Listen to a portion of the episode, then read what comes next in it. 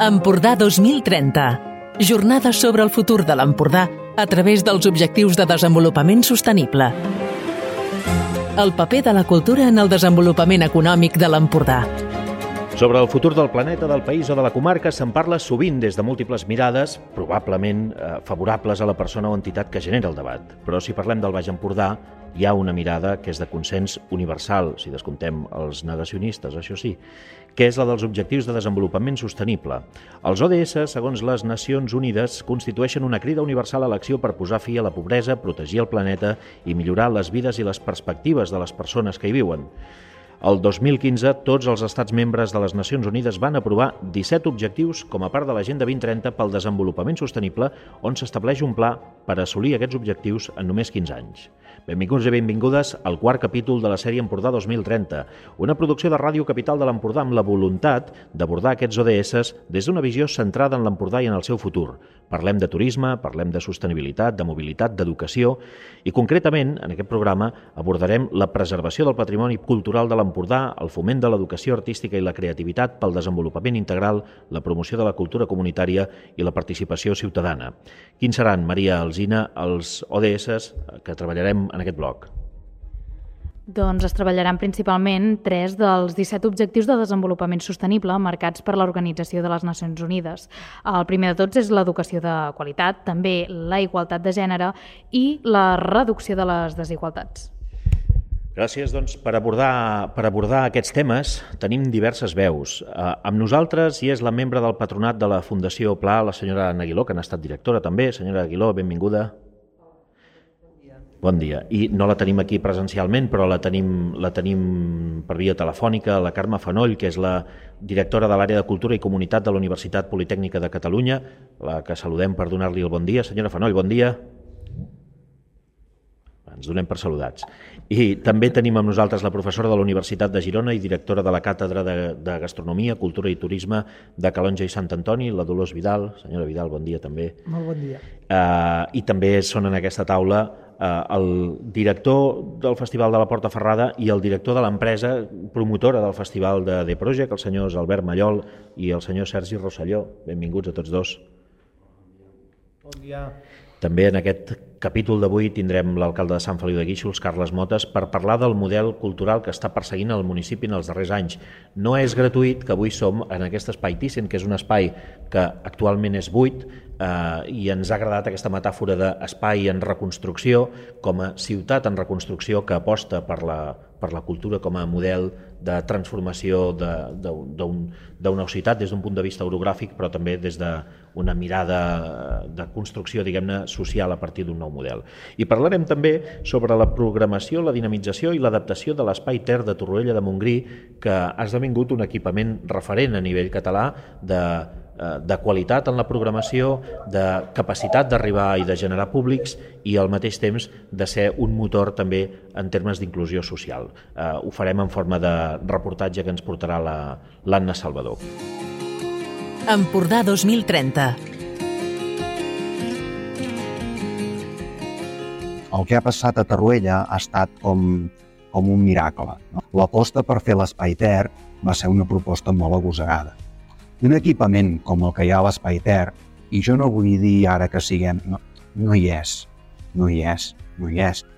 I aquesta singularitat ha potenciat que a la comarca del Baix Empordà la gent descobreixi que hi ha una oferta cultural molt potent i que la gent vingui aquí.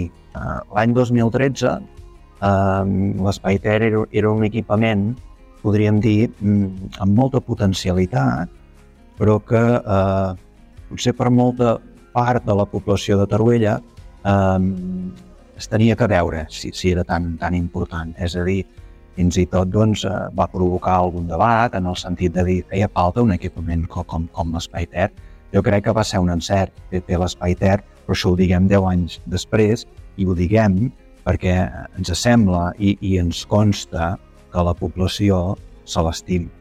És una cosa seva. Val?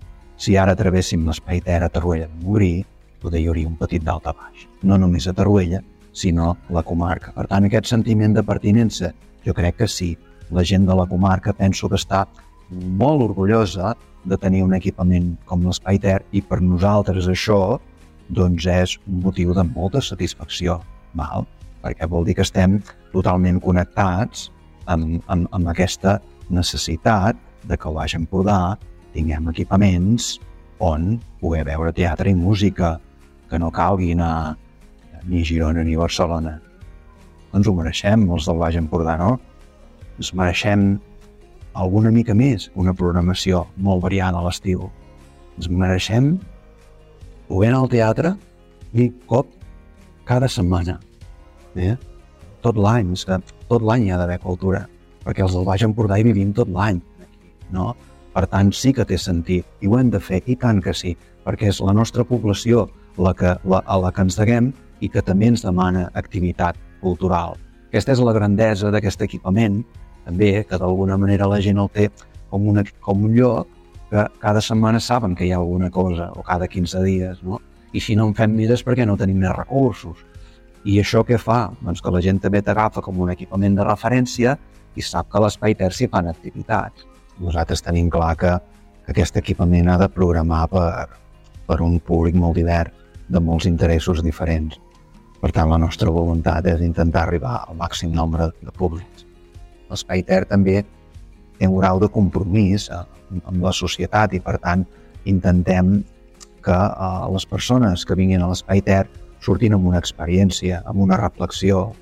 És dir, estem d'alguna manera eh, completament en, en sintonia amb el que es cou a l'exterior. Per tant, temes com poden ser el medi ambient, temes com poden ser el gènere, temes com són l'inclusió social, intentem que, que tinguin cabuda eh, que tinguin cabuda eh, aquí, aquí a l'Espai Ter. No? Sempre s'intenta que no només portem obres d'èxit eh, que, que puguin causar una molt bona sensació, sinó que també intentem, sovint com podem, doncs obres que permetin una, una reflexió, una reflexió que sortís una mica d'aquí eh, amb ganes de, de, de canvi. No? I tenim unes potencialitats molt grans, tenim jaciments arqueològics de primera, tenim poblacions amb unes activitats culturals, festives, lúdiques, impressionants, la Bisbal, Toruella, Palafrugell, Sant Feliu i moltes més, però encara penso que, que, que hauríem de treballar-ho més a nivell de comarca. No? Jo, per exemple, doncs, potser desconec el que es cou a Sant Feliu, segur que els de Sant Feliu. Per què? Perquè hi ha molta feina als municipis, però ja vindrà.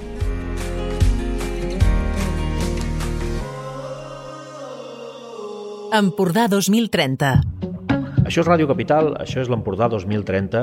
Eh, comencem, no sé si podem saludar la Carme Fanoll perquè té el, el temps just i ens agradaria saludar-la i parlar amb ella un moment. Senyora Fanoll, bon dia de nou. Hola, molt bon dia, Miquel. Com estem? La Carme és bibliotecària, eh, va ser cap del Servei de Biblioteques del Departament de Cultura de la Generalitat i actualment, dèiem, és la directora de l'àrea de Cultura i Comunitat de, de l'UPC. Eh, senyora Fanoll, les biblioteques, que ja no són eh, cases de llibres, sinó que gairebé són centres culturals de, de quilòmetre zero, són els, els caps, diguem-ne, de la, de la salut cultural del país, com s'han adaptat, com s'han transformat perquè deixin de ser això, no? espais amb prestatges de llibres per ser cases, veritables cases de cultura.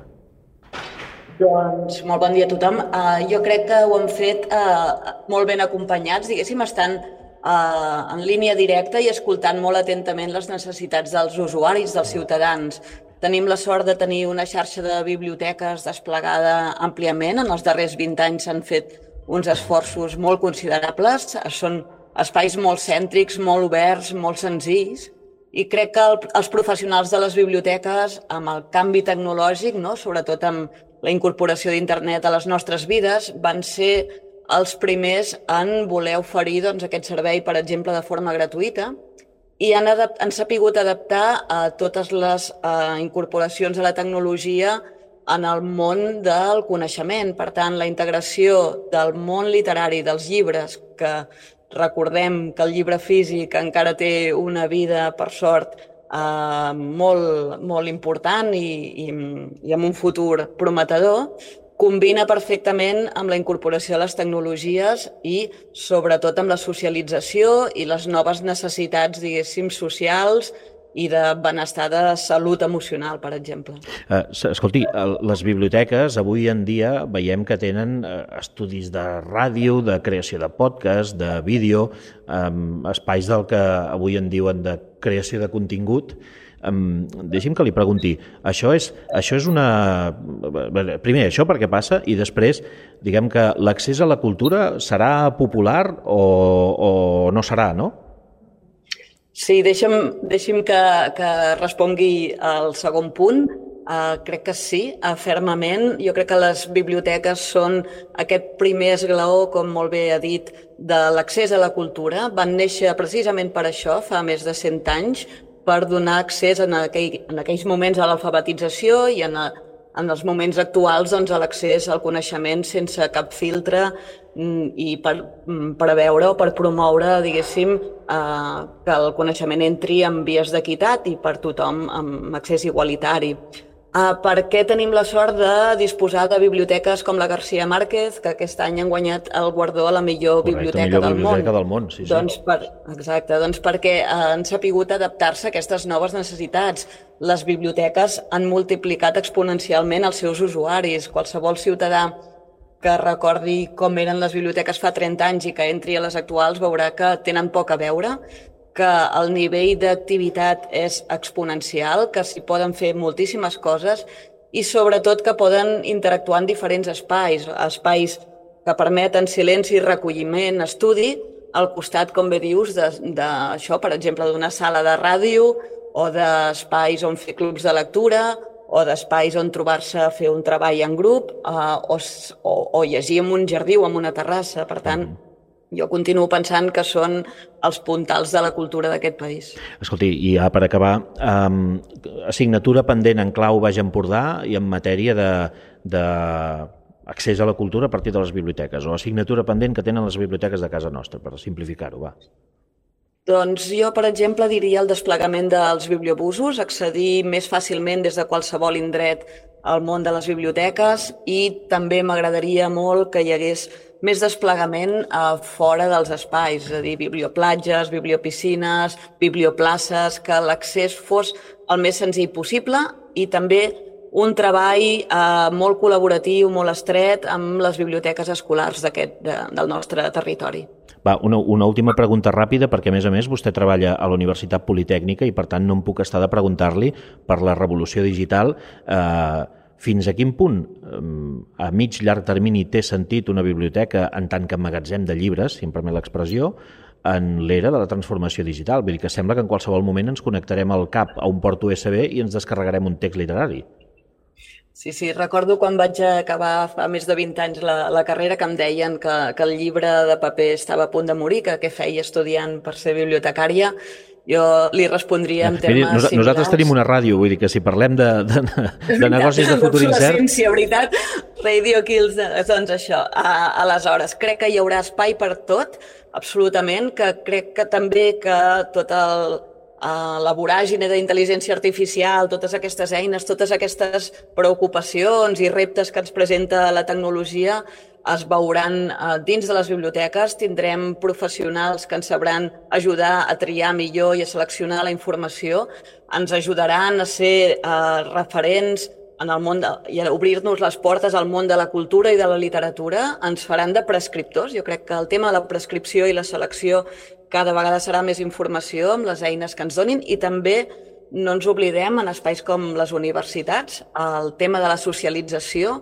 també cada vegada més important. Eh, hem après de la pandèmia que necessitem compartir espais, que necessitem parlar amb les persones, que necessitem tocar-nos, els campus universitaris continuen sent útils, les biblioteques públiques continuaran sent les àgores i les places de, de, dels nostres municipis i, i crec que tenen molta, molt llarga vida. Carme Fanoll, gràcies. Gràcies a vosaltres. Que vagi molt bé. Bon dia i sort. Bon dia, igualment. Anna Aguiló, bon dia de nou. Uh, vostè és membre del patronat de la Fundació Pla, ha estat la directora de la, de la Fundació.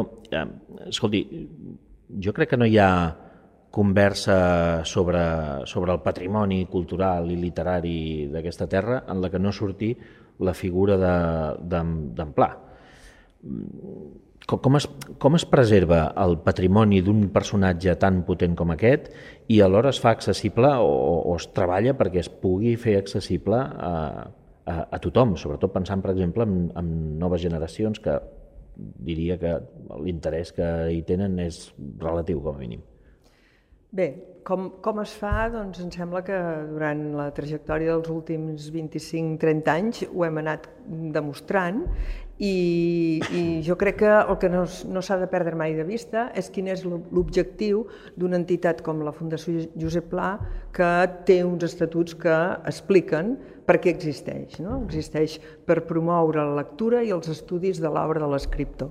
Llavors, promoure els estudis eh, ho hem fet eh, amb, amb connivència amb la universitat, eh, creant la càtedra de Josep Pla i, per tant, eh, assenti eh, com, a, com a centre de documentació i, i, per tant, per crear nou coneixement sobre l'escriptor.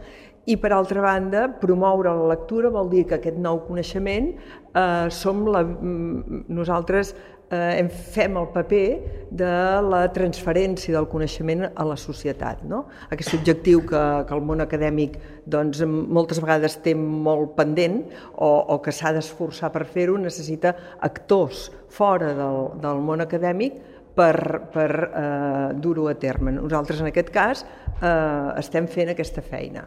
Els formats, doncs formats Bé, això, això diversos, li volia dir, perquè, és clar, diversos, més enllà de la eh, cosa de... més acadèmica... Eh, sí, o sigui, el coneixement... Li, li torno a preguntar el mateix que la Carme, no? Eh, el llegat de Pla o el fem popular o no serà, també? I, I com ho fem? No forçosament. O sigui, el llegat de qualsevol escriptor eh, té unes vies de, de consum que, que, que són els lectors, els estudiosos. No? Llavors, hi ha eh, formats de difusió i de divulgació que nosaltres hem anat assajant i n'hi ha uns quants de molt exitosos i parlo, per exemple, doncs, de les rutes literàries, els clubs de lectura, les exposicions literàries, que en cadascun d'aquests àmbits es treballa eh, una part de l'obra de l'escriptor en relació amb alguna altra cosa, amb el món contemporani, amb, amb, amb el territori, amb, amb, la, amb el gaudi de la lectura, per exemple, i llavors tots, tots aquests formats són els que s'han anat consolidant i a més a més doncs, eh, s'han establert com a referents per al treball en el patrimoni literari de molts altres escriptors. Uh -huh. um, seguirem, seguirem parlant, seguirem abordant el tema. Ara m'agradaria saltar a l'altre costat de la taula. Uh, tenim aquí el, el duet Mallol-Rosselló per parlar del Festival de la Porta Ferrada des de dues mirades. No? La mirada més de eh, programació artística, estem parlant del festival més antic de Catalunya, si no m'equivoco, Albert. No no. Estem parlant del festival més antic de Catalunya i alhora estem parlant d'un festival que a banda de, eh, doncs, de portar una mirada eh, musicalment o culturalment eclèctica, aporta també un valor econòmic en un territori com aquest. Que un, un valor econòmic que teniu quantificat, Sergi? Eh, sí, doncs mitjançant les enquestes que fem de valoració després de cada festival eh, podem veure el, en què es destina els diners de la gent quan ve i, i, i, bueno, i surt, clar, és un festival molt important estem parlant d'uns de que genera un impacte econòmic del, al voltant dels 20 milions d'euros.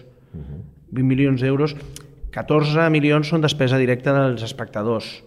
Eh, bueno, al final, clar, tota la comarca se'n es reverteix amb ells, no? hotels, restaurants, comerços, serveis marítims... Bueno, la gent cada cop més ve intenta passar un parell de dies, tres dies a, a, aquí a Sant Feliu, que clar, és una ciutat que el recolza moltíssim el festival i que té moltes coses per fer.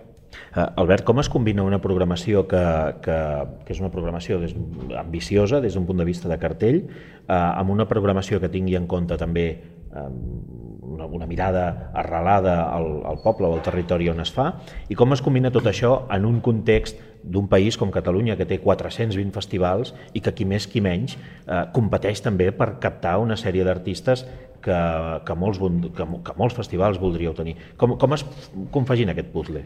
Bé, de, de fet és, és un festival que té diner públic, per tant ha d'haver un retorn directe amb, amb, amb, aquella, amb, amb aquell fet una mica culturalment interessant per tots els ciutadans del país, evidentment, i evidentment els de casa nostra, i jo crec que la combinació és, és, és un equilibri, no és com també, m'agradaria apuntar el que dèiem abans, el model de gestió que té aquest festival. O sigui, estan parlant abans amb en Sergi Rosselló, doncs, eh, el director de executiu del festival que treballa doncs, cols a cols a mi per tirar endavant el festival des de l'empresa privada perquè tenim un concurs públic que m'han dit que diverses universitats d'Espanya el fan servir com a model, uh -huh de combinació de quina és la part que també ha de l'empresa doncs, perquè inverteixi i l'aportació doncs, fixa que té doncs, l'Ajuntament en el festival. No?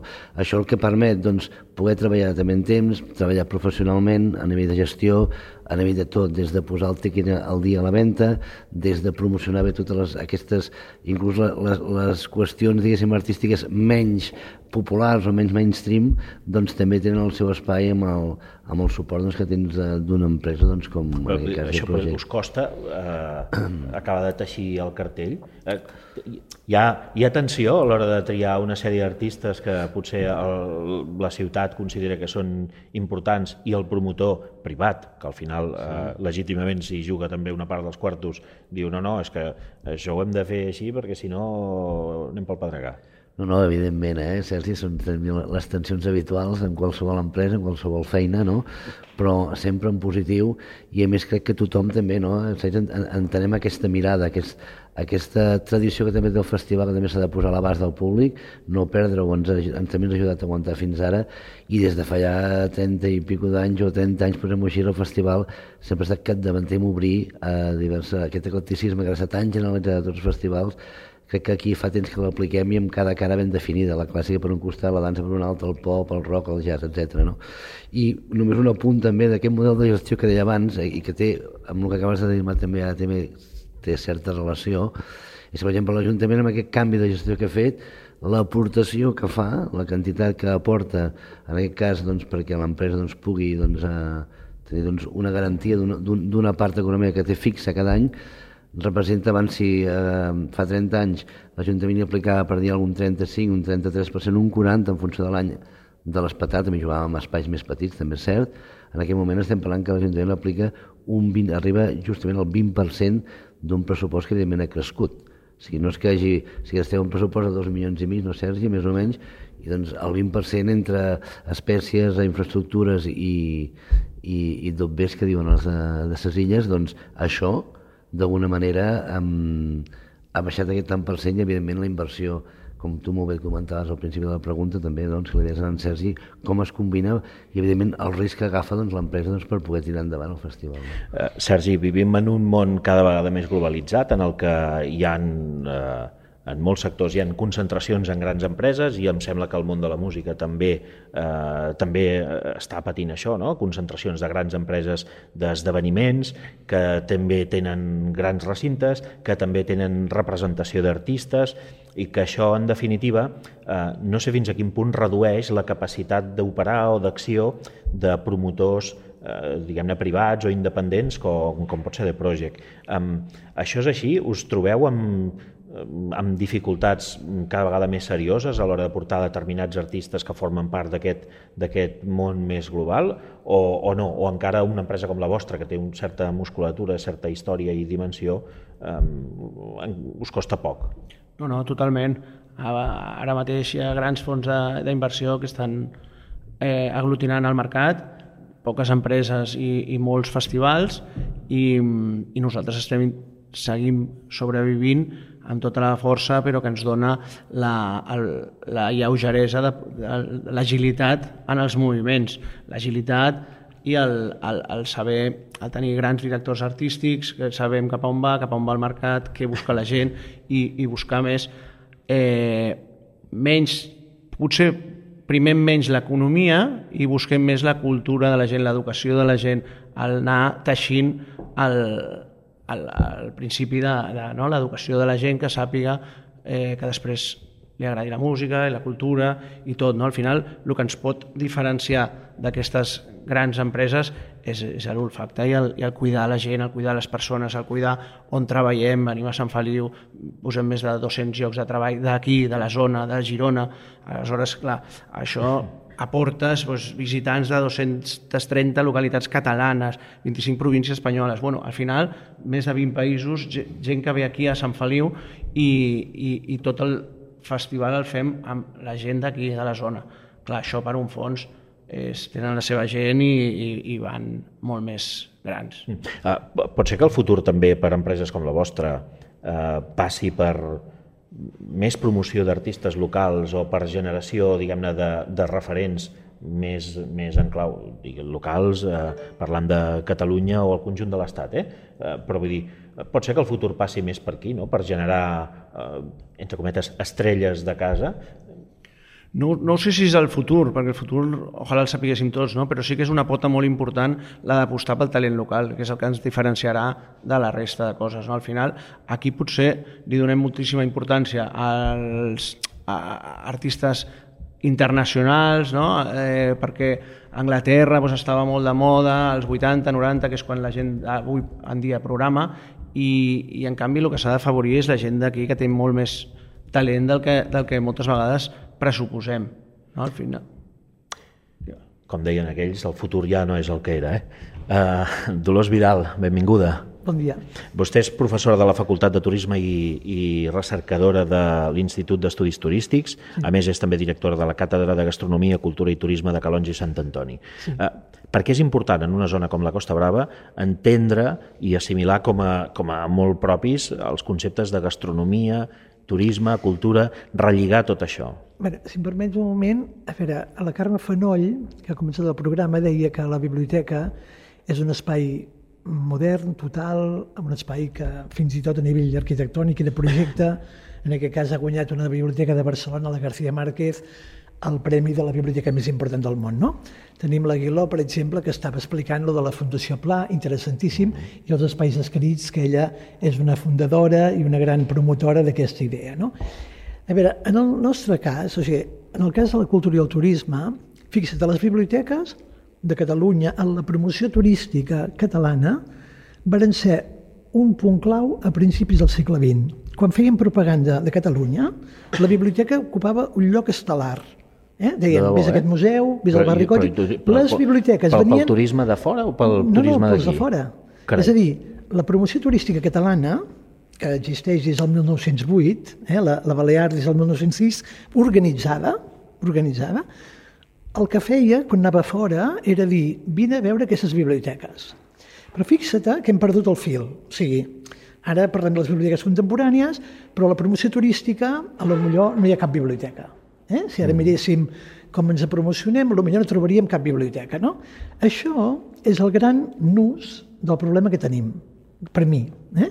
Que és el problema de que les biblioteques han avançat molt, per posar l'exemple, perquè parlava abans la Fanoll, perquè dintre tots els bibliotecaris han seguit un procés similar.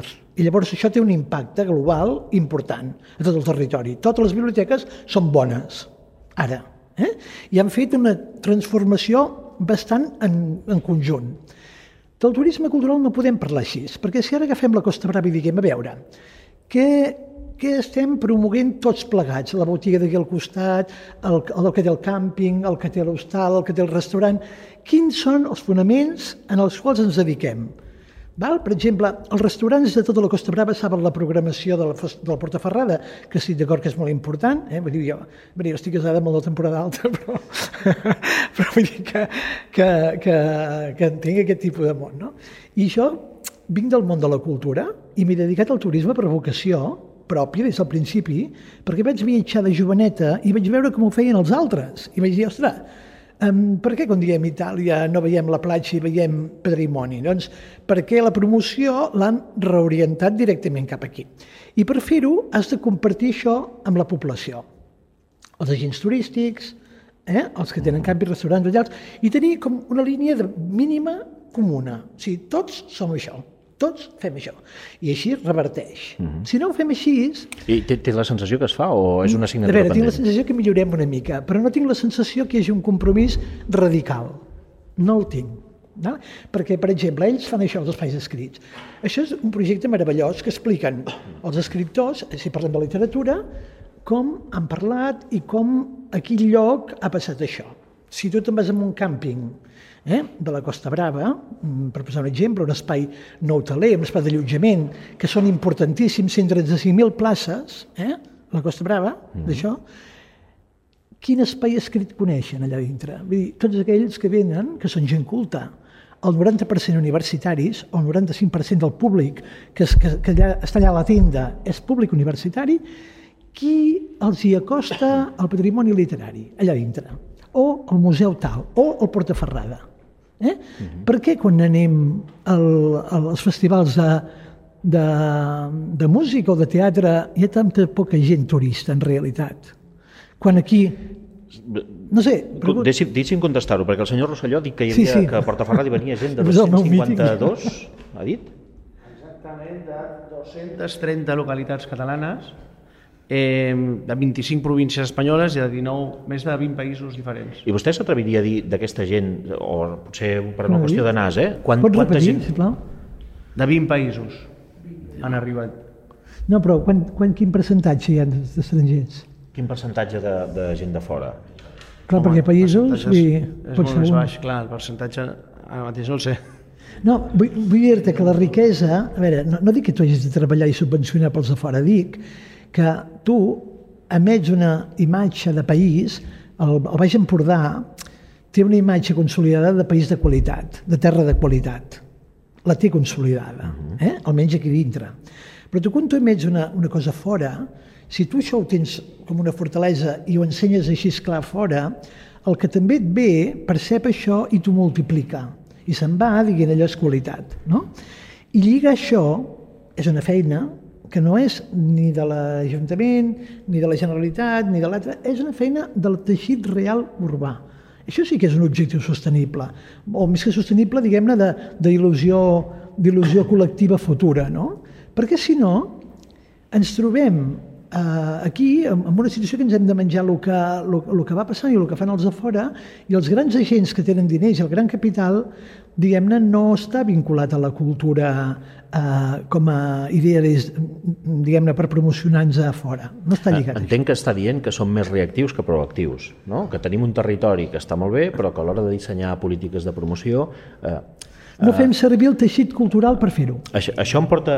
Sí, un, un, només un moment. Això em, porta, això em porta a preguntar... Miri, abans de començar aquest programa teníem una conversa amb en Pere Carreras, que és periodista mm. i també col·laborador d'aquesta casa, um, i, i, i jo li preguntava el turisme cultural, com a mm. tal, no existeix, potser amb algunes excepcions, no? Els asiàtics que van a Barcelona a veure patrimoni, que, que van expressament a veure l'obra de Gaudí, per, per posar un exemple. Però vostès, senyor Mallol, si vol contesti vostè, eh, però eh, està d'acord amb aquesta idea? No existeix el turisme cultural, sinó que hi existeix el turisme que després, quan arriba al lloc, fa cultura? Uh, jo crec que hi ha les, do, les dues vertents hi són i volia també afegir el que deia la Dolors abans que més ho podríem tenir entre cometes eh, no et dic fàcil perquè no hi ha res fàcil en el món d'avui dia però sí que és un públic, a més, com deia, que no, no només universitari, sinó molt hàbit de cultura. Hi ha països amb tradició cultural més forta que la nostra i que són molt hàbits de... Si volen conèixer des del grup local eh, o qui és Juli Garreto, qui és Robert Gerard o qui és, per exemple, doncs, eh, sí. els Roques Grasses, no? Sí. sí. els interessa i llavors és també facilitar aquesta promoció que hauria d'arribar a aquest tot el teixit hauria d'estar molt, molt per, per promocionar doncs, els, els, els joves humans, doncs, evidentment, dels, està molt bé això del, del, del tema literari aquest, doncs, d'agafar els espais doncs, literaris, del, això són coses que realment tens un públic hàbit d'això i tens gent que realment ja ve, ja ve preparada. Jo crec que també tenim gent que ve preparada. Nosaltres en les gires hem tingut un parell o tres de gires internacionals importants que el, els, diguéssim, els fans d'aquell artista, va passar amb la Nova, no te'n recordes, van triar Sant Feliu de Guíxols de tota una gira europea de 30 concerts. Per què? Perquè els interessar el patrimoni a la Costa Brava. Es van pre... On anem de la gira a fer la trobada? Aquí. I no Poble més petit, perquè totes les grans capitals van venir aquí. Vol dir, en el nostre cas, ho, ho copsem una mica perquè també hi ha un tema d'oci de gaudi doncs, més, més festiu, perquè és a l'estiu, però sí que aquí ve gent especialment a veure un, una cosa i a, i a conèixer l'entorn, no ve, com deia també abans en Sergi abans, no venen només pel concert i se'n van, sinó que volen palpar una mica el territori aquí unes, i bueno, es nota quan tenim la combinació aquí amb l'exposició Thyssen o al festival hi ha un bypass d'espectadors sí. que d'alguna manera o de, o de clients, diguem-ho així, que volen, no, no han vingut només al ple del concert del festival, sinó què tenim de museus, què tenim de patrimoni, jo crec que... Perdona, perdona un segon, però eh, el dia que va morir Pla, per exemple, eh, jo era a Florència, aquella època vivia allà, i va sortir a primera plana del diari. Eh? A primera plana he mort Josep Pla. Josep Pla. Eh, no? El 23 d'abril de Sant Jordi, de eh? que me'n recordo, perquè vaig quedar-me morta, i a més sí, els italians sí. feien aquells pòsters, saps, allò que es veia de lluny. Clar, això, això, fixa't, eh, és una cosa al·lucinant, vull dir, importantíssima, que tu això ho has de cuidar. Tu creus que els que venen aquí troben una biblioteca amb les coses traduïdes de pla, en els seus allotjaments, en els seus llocs, i diuen, ah, ostres, aquell, guaita, eh, eh, eh, correbia per aquí? Això, per molt que s'hi matin, eh? Dic, per demostrar que aquests s'hi maten, tu t'hi mates, l'altre s'hi mata, però hi ha d'haver-hi un gran pacte cultural amb el turisme, un gran pacte. I aquí hi entren tots els agents turístics. La senyora Aguiló volia sí. intervenir també. Sí, no, potser era per reconduir la conversa, eh? no, no, és Aviam. que, no, no és que no estigui d'acord en que és molt important la promoció turística, eh? perquè, com saps bé, en, fa molts anys que ens trobem en, en taules rodones parlant d'això. Mm, jo el que m'he plantejat abans de venir, de la manera que vosaltres ens heu eh, explicat, que la taula rodona, és eh, la idea aquesta d'objectiu de desenvolupament mm, sostenible. Sí, sí. Si ens, els repassem de l'1 al 17, no n'hi ha cap que no estigui cap, dedicat cap... a la cultura. I per raó. tant faig una esmena a la totalitat, encara que ja sé que, que les Nacions Unides no, ara, no em faran ara, gaire tru, cas. Ara trucarem per comentar-ho. Truqui perquè, és clar, eh, doncs el que em sembla a mi és que aquí mm, patina una mica la idea de gent de, mm, pel 30 sí, sí, si sí, la cultura no hi apareix. Però, sí que és però veritat... que l'hem posat aquí... Sí, sí, no, jo eh, t'agraeixo que, hagis, que hagis contradit els 17 punts. De fet, eh, és una broma, però vull dir que eh, sí que quan hi entres i veus cadascun del detall d'aquests objectius, sempre eh, apareix el tema de l'educació i de la formació. I per aquí hi podem colar la cultura. Uh -huh. Uh, per què? Doncs perquè la cultura seria allò que tenim uh, entre mans, el que desenvolupa una societat per un objectiu de gaudi estètic i per la creació de pensament. Llavors, aquestes dues idees uh, fan que una societat es desenvolupi. Uh, com fem que aquest desenvolupament sigui més important, més alt i, i, i que arribi a tota la, tota la població? Això sí que és un objectiu de desenvolupament sostenible, doncs a través de la formació. No? Eh, per tant, mm, a través de la formació i a través de la promoció a l'exterior d'allò que som nosaltres, aquella identitat, aquella cultura que ens, que, que ens eh, caracteritza i, i per tant, jo, des del de el coneixement que tinc de, de l'experiència del treballar en patrimoni literari, penso que és important que anem una mica a l'arrel de tot plegat. No? Eh, què és el patrimoni literari? Doncs és una forma de cultura que eh, té una part material i una part immaterial. La part material seria allò que deixen els escriptors doncs, perquè, perquè han fet una feina i ens podem imaginar doncs, una biblioteca o un arxiu, eh, la, el, el llegat d'un escriptor, però a més a més hi ha, un, hi ha un, un patrimoni immaterial que és el poder simbòlic que té la literatura.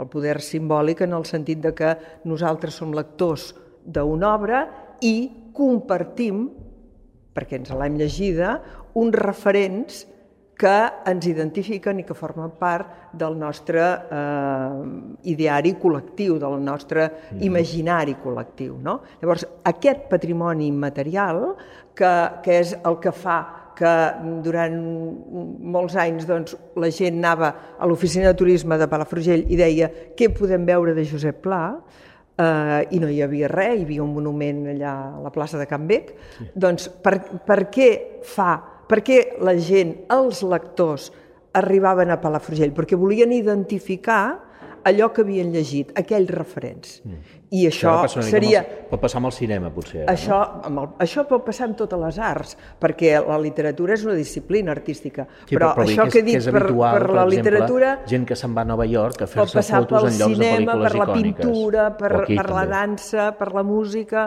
per tot i aquesta és la grandesa de les disciplines artístiques, que a més a més els podem eh, fer anar juntes i entrellaçar i treballar-los conjuntament. Llavors, eh, per què és important eh, el patrimoni literari? Doncs perquè ens, ens aporta això, aquesta identificació entre el conjunt de lectors. Llavors, la idea d'espais escrits, que és el que, el que anomenava la, la Dolors, doncs és una associació de, creada el 2005 que treballa sobre el patrimoni literari català. Què vol dir? Doncs que cadascun de les entitats que en formen part, en aquests moments un centenar, té la responsabilitat de eh, tenir cura del llegat d'un escriptor en relació amb el territori. Per tant, vol dir el lloc on l'escriptor ha viscut, ha nascut, ha mort, ha, ha escrit o s'ha inspirat. No? Mm -hmm. Deia vostè al començament d'aquesta intervenció que dels 17 ODS no n'hi ha cap que parli específicament de cultura. Eh, jo em plantejo si, si precisament en el moment de, de fixar aquests objectius alguna devia dir bueno, és que la cultura és una cosa molt transversal i que per tant és inherent a pràcticament tot. Sí, I, i, estaria més o menys d'acord, sí, però... el que passa que això, anava a dir, això és una arma de doble tall, potser, no? Uh, no sé, senyor Mallol o senyor Rosselló, tenen la sensació a vegades que, que disciplines culturals com la música, en aquest cas, tenen eh, més difusió que mai, eh, s'escolta més música que mai, però tenen la sensació a vegades que se li dona menys valor, de, menys valor que mai a la, a la música en si mateixa? Home, jo, jo crec que inclús amb estils que estan anant molt candents, no? en el qual la, jo és una opinió que a mi em va molt bé que em preguntis, hi ha un tipus de música que està tot, és, tot ja, en, cada, en cada espai musical sempre que hi ha cosa que destaca per, per un element tant que sigui artístic, de producció, etc. Però, per exemple, ara el que està guanyant en totes les xarxes, amb el tema de les xarxes també és un, un tema també llarg per, per parlar i veure la influència que té en la distribució, precisament en aquest cas, de la, de la música, i et trobes doncs, en què realment el, la, la producció musical, el detall artístic d'aquell producte musical no acaba sent amb el que més triomfa el més important. El més important és triomfar, ser viral, doncs, això crec que va en detriment doncs, de, del fet musical en si. No? Inclús hi ha molta música que ara està doncs, en, primer, en primer punt i que són músics doncs, també ens sorprèn que clar, doncs, no hi ha cap... Eh, gairebé hi ha gent doncs, que està triomfant amb música, aparentment, doncs, a, sota el, el, el ventall, diguéssim, o l'epígraf musical, i no, toca, no, no, no hi ha ni un instrument de l'escenari, no? O sigui, la música en si, en moments que estem ara, l'estan guanyant, jo crec, doncs les xarxes i la, la necessitat de ser viral i lluitar contra això i també aprofitar el que pots aprofitar també d'això és, és també un punt complex en el... O sigui, no interessa tant si la música hi ha molta, molt tothom l'escolta molt, etc etc, però què escoltem també moltes vegades i que és el que realment està posat com a cap, de, cap davanter doncs, musical, que doncs, si tu mires fredament hi ha coses que que rellisquen una mica amb el que és la, el tema musical en si, que no els hi nego el valor artístic que tingui, però com a musical hi ha coses que a mi em patinen una mica. I senyor Rosselló, una, una pregunta ràpida. Els festivals um, han deixat de ser un escenari d'exhibició musical pur i dur per passar a ser um, un pack eh, més, més complet, no? allò que en diuen l'experiència. I, I vaja, hi ha festivals, o el Portaferrada mateix, té una zona més lúdica i gastronòmica que a més és fantàstica, per altra banda, hi ha festivals que a més a més tenen zones de jocs, estic pensant per exemple en el Festival de Glastonbury, que té fins i tot eh, escoles bressol dins del festival perquè els pares puguin deixar els nens. Eh, li torno a preguntar el mateix, el valor d'un festival és la música o la música forma part del PAC o de la proposta de valor d'un festival eh, del segle XXI? Nosaltres creiem que la música forma part, forma part indispensable, perquè al final és, és el que va veure la gent, però sí que la gent busca una experiència completa de passar el temps amb els seus amics, tenir el, el lloc de reunió de l'estiu, en aquest cas, eh, i per això fem que estiguin agradables, que vinguin abans, que es puguin quedar una mica després si volen, i la música és el que els fa anar fins allà, però ja saben eh, que, que el que van a fer, no? que estaran amb els amics, a gaudir, al final de viure la vida, no? que després de la pandèmia sobretot hem vist que és més necessari que mai el, el connectar, el tocar-nos, l'abraçar-nos, el riure junts... El... És això que deia la, la Carme Fanoll, no? de la necessitat de socialitzar també. Totalment, exactament el mateix que deia ella proposant-lo de l'Àgora. No? L'Àgora d'avui en dia, per nosaltres, el festival, però és se'ls ha de donar més espai a la gent perquè pugui, pugui venir abans i després. No? Al final nosaltres hem, hem aconseguit que un, més d'un 50% del públic ens ve és fidel. És fidel i normalment veu dos, tres, quatre propostes. Això és molt important perquè, clar, vol dir que, que saben on aniran, saben què aniran a fer i, i, i disfruten de, de, de, del recinte. Deixin-me tornar a sortir d'aquesta sala per parlar amb la directora d'aquest espai, la senyora Pilar Giró, que és la directora de l'Espai Thyssen, a la que saludem. Senyora Giró, bon dia i bona hora. Hola, molt bon dia a tothom. Escolti, abans que res, li volem donar les gràcies per acollir-nos. Eh, espero que el, el, el proper dia que puguem venir aquí, espero que ens puguem trobar. Vostè es troba a París avui i, per tant, no, no ens podia acompanyar, però sí que li volia donar les gràcies. Per nosaltres era important també visualitzar no, això, aquest espai en construcció, dèiem, com a metàfora d'una ciutat que s'està reconstruint a partir de la cultura. Eh, jo li volia preguntar, el paper de l'espai Thyssen eh, en la transformació d'una ciutat de Sant Feliu, com Sant Feliu, vostè com el calibra? Uf, pregunta molt àmplia. Uh, a veure, la, la presència o, o l'obertura d'un museu a qualsevol espai, evidentment el primer que ha de fer és trobar un diàleg no?, amb aquest entorn en el qual s'insereix.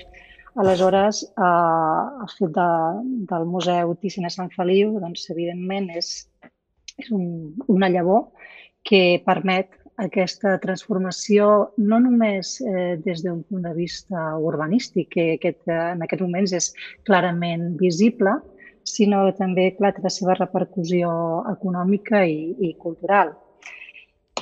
I, a més a més, eh, em sembla que lligant no? amb, el que, amb el que anàveu parlant del vincle entre cultura i sostenibilitat, m'agradaria posar de relleu que, per exemple, no, l'última definició aprovada per ICOM a l'estiu del 22, precisament no, un, un, un dels objectius de, que, que forma part d'aquesta definició de museu és un espai que ha de fomentar la diversitat i la, i la sostenibilitat.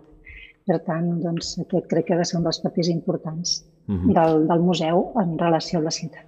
Escolti, vostè és directora de l'Espai Thyssen. Jo li vull preguntar una mica per una mirada més holística a nivell de comarca.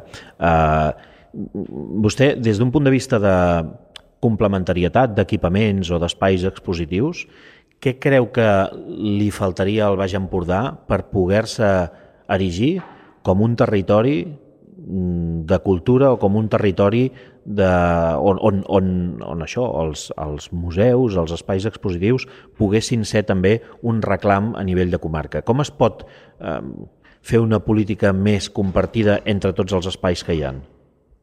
En primer lloc, això, fer una política. Uh, coordinar. Eh? Coordinar i treballar de forma transversal. Crec que Uh, nosaltres el que cada, cada un no, de, les, de les nostres institucions realment estem preocupats per uh, aquesta flama no, de, de la comunicació, de la comunicació amb els nostres públics i amb els nostres visitants. Crec que també hem de treballar moltíssim per la comunicació i treball en conjunt entre nosaltres. Uh -huh. Senyora Vidal, vostè també ens ha de deixar d'aquí una estona. Eh, comparteix aquest diagnòstic? Veu, possi veu possibilitats amb els equipaments culturals, museístics en aquest cas, que té el Baix Empordà?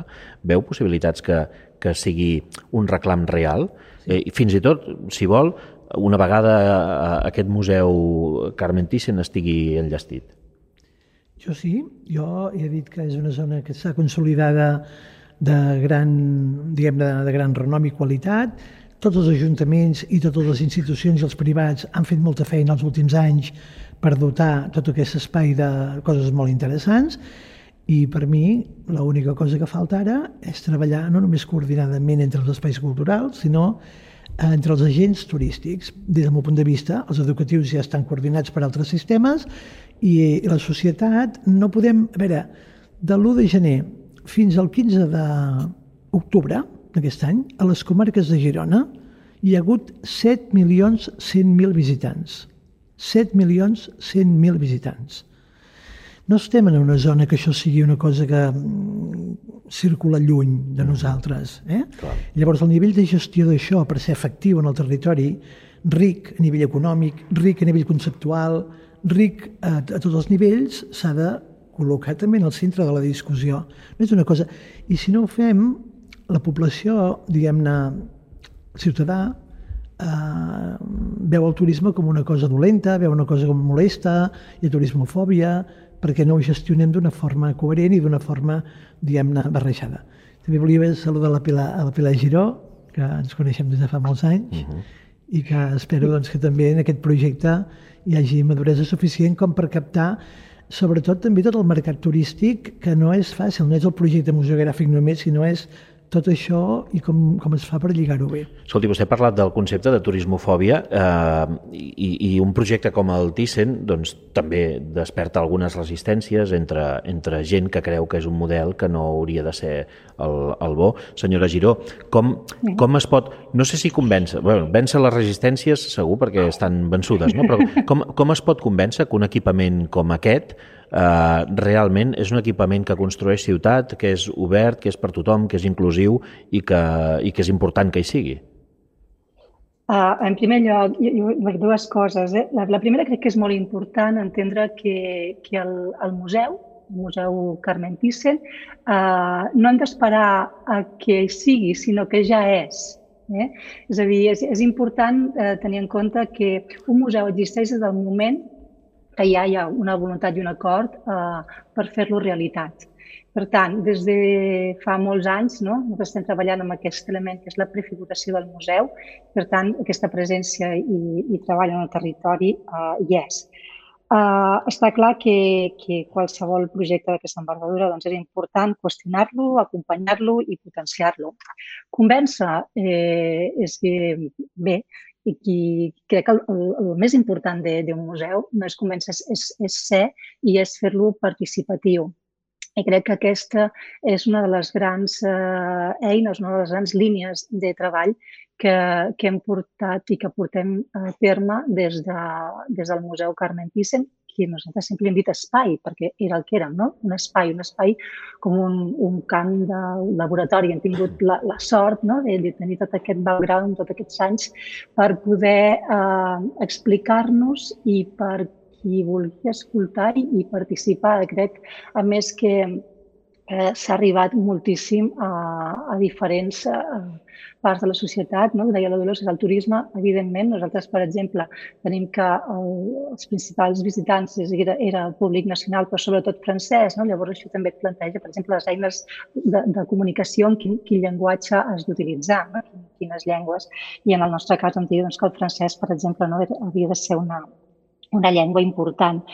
Uh, és, és evident que, que l'important és saber què n'espera el públic no, d'un museu, què n'espera. N'espera que sigui un lloc de gaudi plaer, n'espera que sigui un lloc de descoberta, de memòria, que sigui un distintiu cultural, uh, que sigui una activitat turística, que sigui un lloc ritual. Uh, el que és important és que, que el museu, més que el que custodia, que precisament és, si fem una petita evolució dels museus, el seu inici era sobretot la part col·lecció, després va haver-hi el gran boom del museu com a edifici i, evidentment, el museu del segle XXI és el museu del públic o no és museu, és a dir, el seu cor són els visitants. Per tant, eh, el museu de donar resposta no? a les necessitats dels seus usuaris. Uh -huh. uh, senyora Giró, ara obriré una llauna que, que m'agradarà compartir amb, amb tota la taula, perquè, a més a més, crec que és molt transversal i que impacta o impactarà a tots els àmbits de la cultura, que és la revolució digital, la irrupció de la intel·ligència artificial. Uh, els museus... Uh -huh ja fa temps, si em permet l'expressió, eh, que o els museus o els espais expositius o les narratives eh, expositives del, del món de les arts visuals, de les arts plàstiques, gràfiques, ja no, ja no se centren només en l'exhibició d'obra física o en l'exhibició de quadres, no? ja fa temps que la tecnologia ha entrat en aquests espais, i la intel·ligència artificial no sé, vostè em dirà si la veu com una amenaça o com una oportunitat no? per, per un equipament com pot ser el, el Museu Thyssen. I després deia, eh, començarem amb vostè perquè la tenim eh, fora en videotrucada i, i, i no volem allargar-la, no volem tenir-la més al telèfon, però després m'agradarà compartir-ho també amb l'Anna Aguiló i com això eh, plana sobre el món literari i també sobre el món de la música, perquè ja hem vist alguns casos d'utilitzacions de, de la tecnologia per plagiar directament eh, peces musicals o per plagiar veus d'artistes internacionals i, i m'agradarà parlar-ne també una mica amb vostès. Senyora Giró, comencem per vostè. Intel·ligència artificial, amenaça, oportunitat, apocalipsi, com ho viu això des del punt de vista d'un museu? Bé, parlem de, de dos... Uh, són dues coses molt diferents, eh? L'ús uh, de les eines digitals i, no? i, i l'ús de, de tot el que seria el camp digital i l'altre és la intel·ligència artificial aplicada a. La intel·ligència artificial aplicada a sempre crea, és a dir, és, és, és la creació d'una nova obra. Per tant, en l'àmbit eh, museogràfic el que s'està utilitzant moltíssim és eh, tota l'eina de, de l'audiovisual i, del, i del digital. Val? Aleshores, una amenaça en absolut, un complement completament i, a més a més, una eina de comunicació i difusió, jo crec que en aquests moments ja podríem dir necessària, imprescindible i que ja forma part eh, de, de, la, de la mateixa narrativa eh, museogràfica. Un exemple.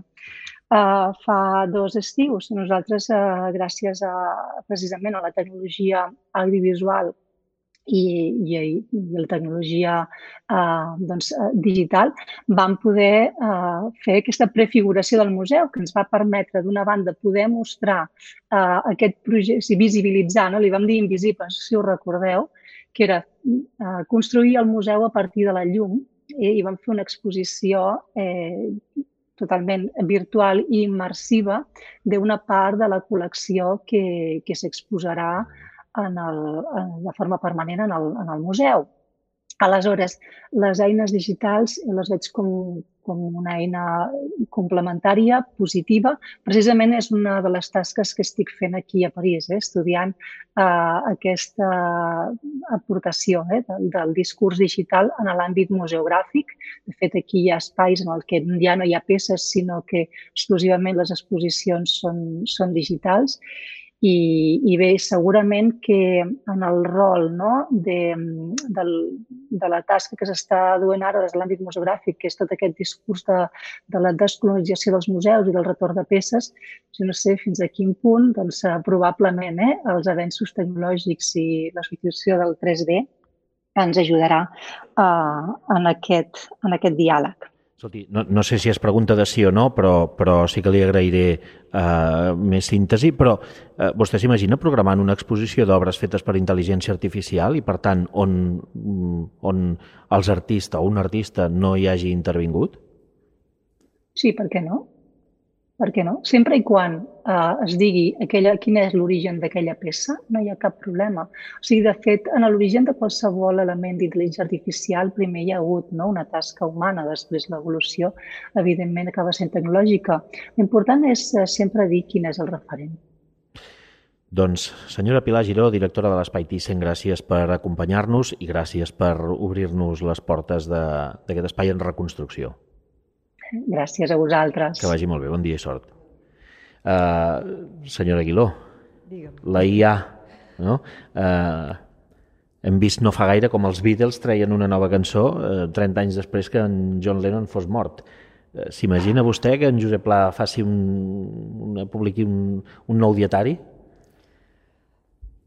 A veure, eh, jo penso que la IA, les noves tecnologies, són eines i que són eines que eh, l'actitud intel·ligent per part nostra hauria de ser fem-la servir i fem-la servir bé eh, i tinguem en compte si aporten qualitat o no en el, el nostre projecte i a l'objectiu que tenim des d'un inici i que no ens el perverteixi. No? Llavors, a, a mi em semblen eh, eines i complements absolutament eh, adaptables i fàcils i, i, de bon, i, i, i que sempre els hem d'utilitzar com una ajuda per al, per al nostre objectiu i tornant als objectius de, de desenvolupament sostenible, penso que ens poden ajudar en moltes coses. Eh? Eh, per exemple, en el que dèiem abans de la turismofòbia i de les aglomeracions i, de les, i dels moments complicats que vivim eh, en, en les zones turístiques en plena temporada. No?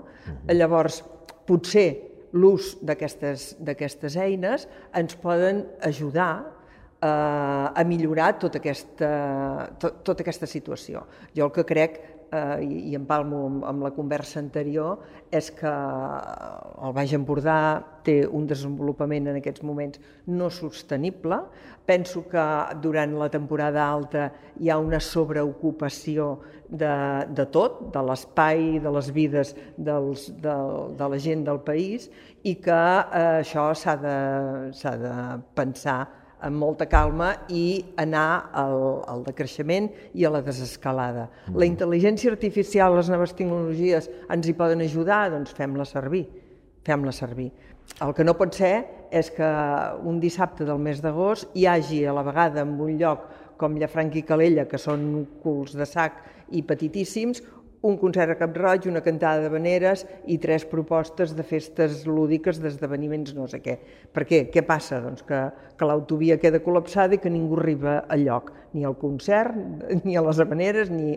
M'entens? O sigui, penso que aquesta turismofòbia que abans esmentàvem no la curarem si no racionalitzem el que tenim entre mans. I les noves tecnologies, per exemple, doncs, eh, l'ús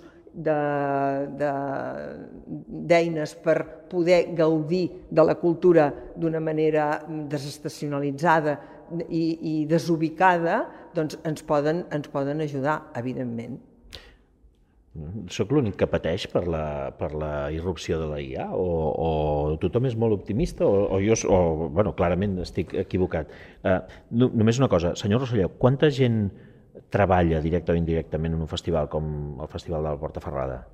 Sobre unes 200 persones. Uh -huh. I, i això, i ara si vol em contesta el senyor Mallol, que, que l'he vist ja, no, no, no, a punt a punt, deia, no, la irrupció de la IA eh, és una oportunitat o, o, o posa en risc la creació musical, artística, cultural i com a conseqüència l'exhibició en un festival com aquest? Jo crec que, que ara mateix ho hem vist, no? que, és que dubtem també, com tu, eh, posa en risc. O sigui, ara mateix el cas del Bad Bunny, que li copia una cançó sencera i l'altre al final no sap si l'ha escrit ell o no, bueno, ell ho té molt clar, però la gent no. El món no. El món no ho té, i aleshores dius, ostres, a, a, a nivell creatiu eh, crec que, que és per estar una mica preocupats. No, Albert, que és més creatiu? Sí. No, sí, no jo, jo he vist dues coses.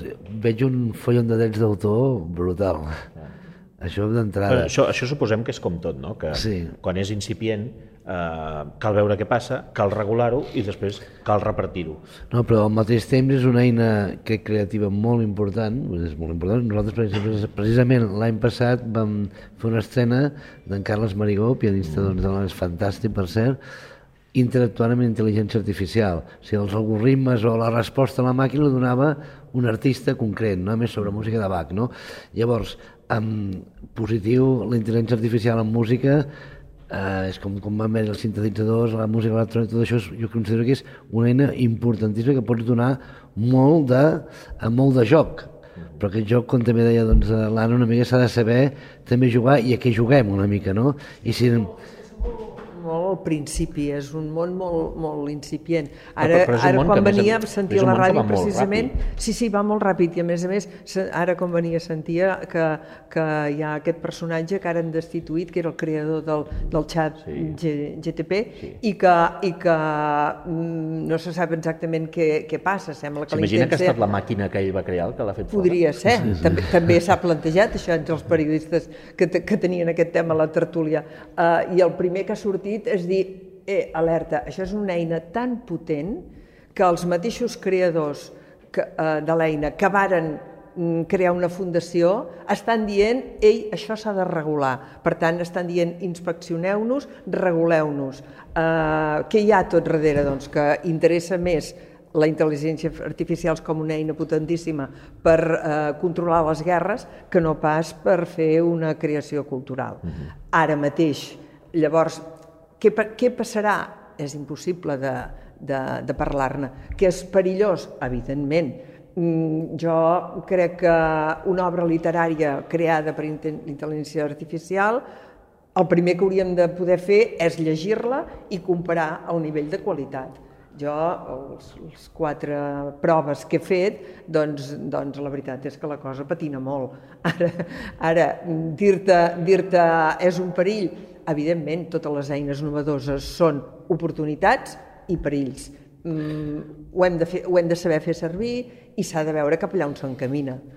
Eh, jo per, per això li preguntava al senyor Rosselló sobre quanta gent treballa en un festival com el de la Porta Ferrada, no? perquè eh, vostè creu que això pot, haver, pot arribar a veure's amenaçat, tot, tot, si no tots, una part important d'aquests llocs de feina? Ara mateix no, no, no ho preveiem, no? Jo crec que la gent, el, el treball que fem, que es fa aquí al festival, és molt personal no? i els tècnics, els, la intel·ligència artificial no podrà tirar un cable, no podrà connectar eh, una càmera amb un cable de moment o no podrà eh, parlar amb els artistes, acompanyar-los físicament fins al lloc, de moment. No sé si al final faran robots que caminin, que pugin escales, que... No, però, però eh, un dia llegia un article sobre, saben, aquest edifici que s'ha construït a Las Vegas, que és aquesta cúpula esfèrica, no? amb pantalles a l'interior i a l'exterior, i que tot ell és una, una pantalla de 45.000 metres quadrats de vídeo i de so, eh, que hi ha els U2, el, el grup, que està fent un concert allà, una estada, de, si no recordo malament, de sis mesos. Clar, I algú ja planteja això com un canvi radical de com es fan les gires de concerts. No? Fins ara els U2 giren per tot el món i la gent els va veure i ara és el món el que se'n va a Las Vegas a veure'ls a ells. I a més a més hi ha un altre tema. No? Els U2 sempre porten una escenografia molt grossa i de cop i volta toquen en una tarima petita perquè l'edifici en aquest cas és la tarima, eh, és, perdó, l'escenografia. Eh, per tant, aquest és, pot ser un exemple, o es planteja com un exemple de, de canvi real de com es conceben en aquest cas els esdeveniments, els concerts o les gires dels artistes. No? Eh, òbviament d'edificis com aquest de Las Vegas, que n'hi ha un, no? I, i possiblement si el poséssim a Sant Feliu ocuparia tot el solar de Sant Feliu de Guíxols, però, però sí que és una mostra de com, en aquest cas, una tecnologia transforma radicalment un sector i de cop i volta els escenògrafs de la gira d'U2 desapareixen del mapa. I segurament passen a ser artistes visuals, eh? però els escenògrafs desapareixen del mapa. Correcte, però hi ha, hi ha molts artistes eh, digitals darrere. De fet, vaig llegir en algun lloc que havien triat 5 anys per desenvolupar tots els vídeos, a més és una empresa catalana la que ha fet els vídeos. Eh, qual... Ja si fos de Sant Feliu, ja acabaríem de fer, escolti, no, diu, no, hosti, viuen aquí a Vilartagas, no s'imagina? Estem fent una mica de literatura de ciència-ficció. No, o sigui, ciència-ficció no, això mateix, està passant, eh? Sí, sí, sí, està passant, però està passant en un punt del planeta.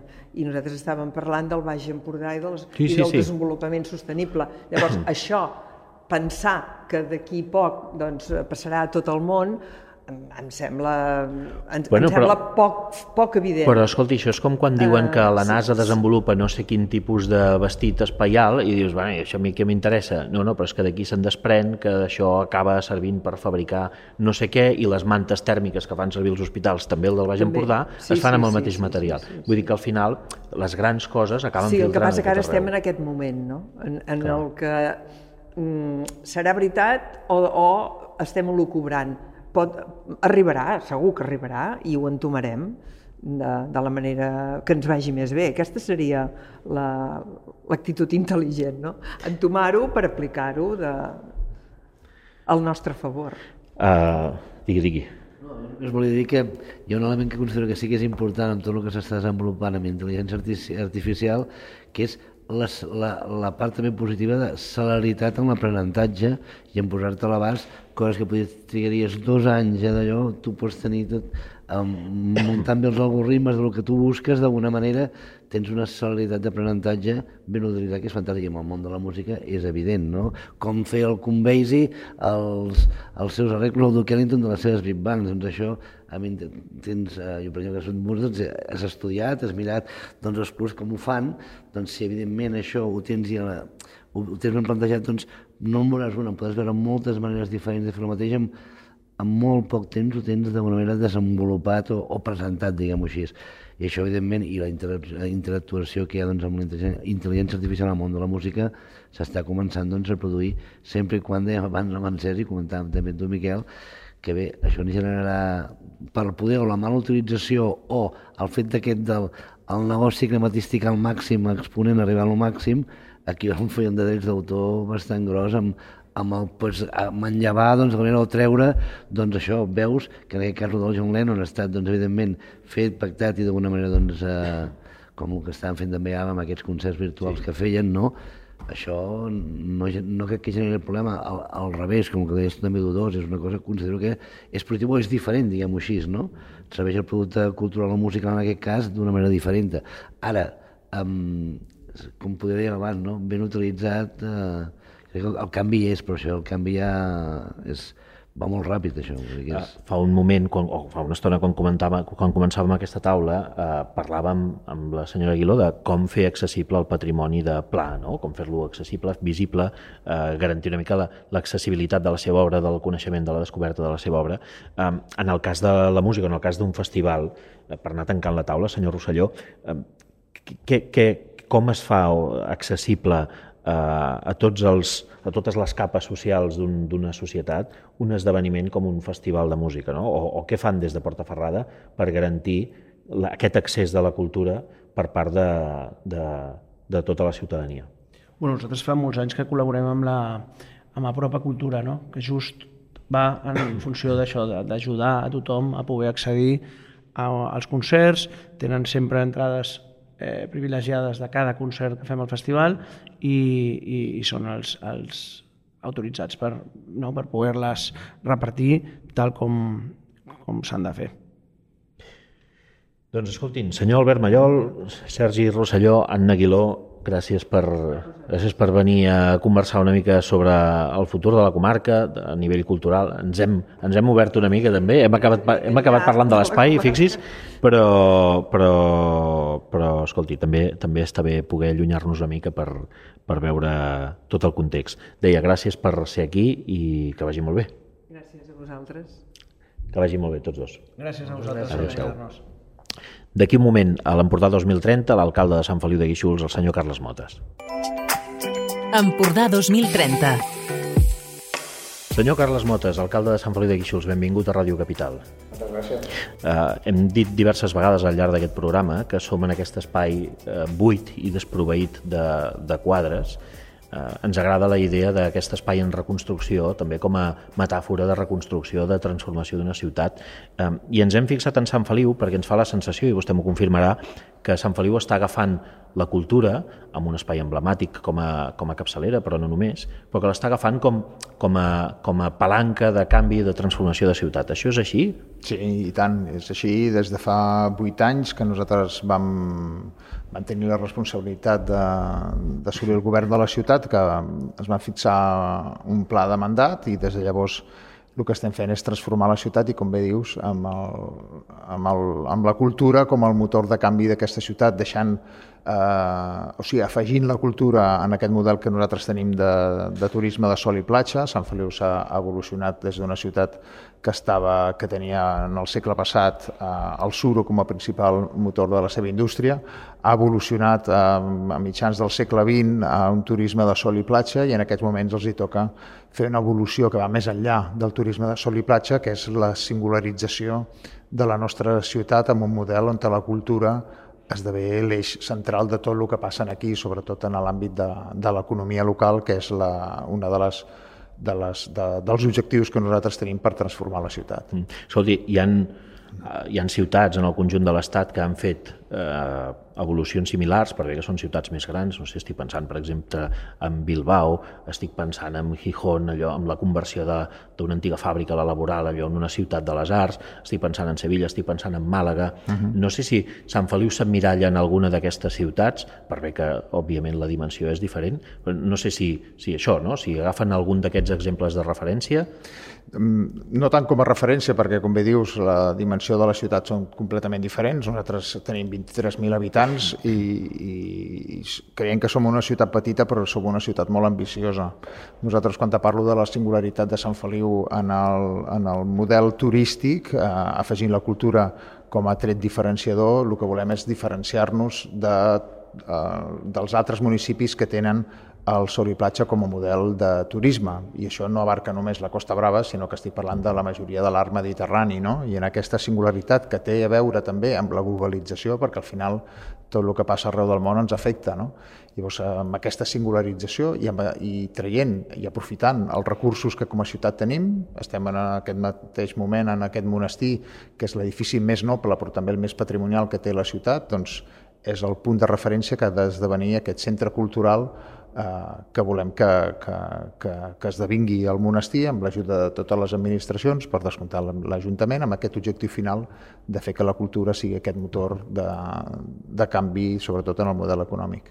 Dèiem, aquest és un espai que està en transformació, amb la previsió que potser a finals del 26 estigui acabat aquest projecte de museu, de museu Thyssen. És un projecte emblemàtic, amb un pressupost de 10 milions d'euros.